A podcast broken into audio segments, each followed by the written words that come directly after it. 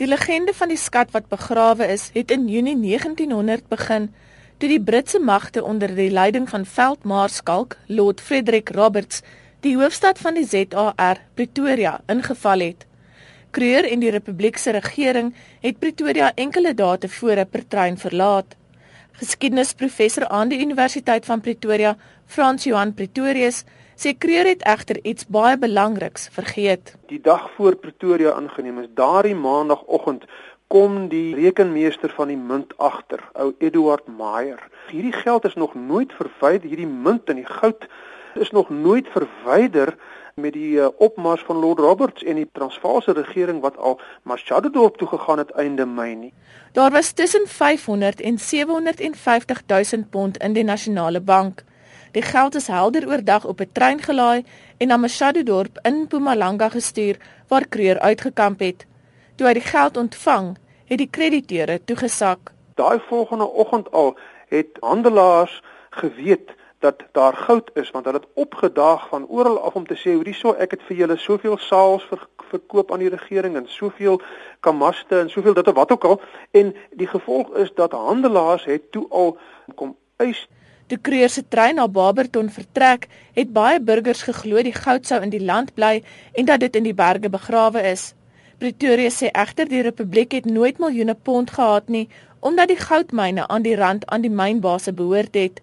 Die republiek was slegs 6 maande aan beheer van die myne nadat hulle dit nasionaliseer het en voordat die Engelse Johannesburg ingeneem het. In daai tyd het die regering omtrent 600 000 pond se goud geïn waarvan hulle eh, ook nog moes allerlei uitgawes aangaan daarmee soos voorrade koop vir die kommandos op die fronte. So teen die tyd wat Lord Roberts Pretoria aangeneem het op 5 Junie 1900, het die regering regtig nie geld gehad nie. Pretoria sê dokumente bevestig dat die republiek sy geld op die oorlog spandeer het.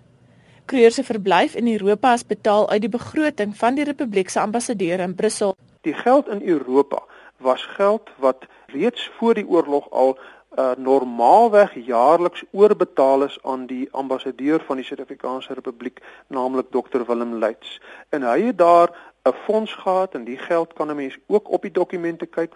Daardie verblyf van Kreur byvoorbeeld en van die ander deputasielede en die boere-generaal se besoek aan Europa, dis betaal met geld wat vir die ambassadeur bestem was. Kreur is in 1904 as banneling in Europa oorlede. Elke paar jaar is die land in kreurmiljoen koers vasgevang wanneer 'n paar kreurmunte op 'n plaas opgegrawe word. En dan grawe mense ergens, dan kom hulle op af op 'n paar goue kreurponde, dan dink hulle hier is die begin van die goud. En wat dit maar eintlik was, is dat die plaaslike boer voor hy op komando gegaan het, het daar in die kraal het hy sy 20 pontjies uh, begrawe om na die oorlog op te op te kry en wat nooit gebeur het nie, hy is miskien oorlede. Hoewel die bewyse daarop dui dat die kreurmiljoene nooit eers bestaan het nie, volg ywerige skattejagters steeds nuwe leidrade op. Ek is Lila Magnus in Pretoria.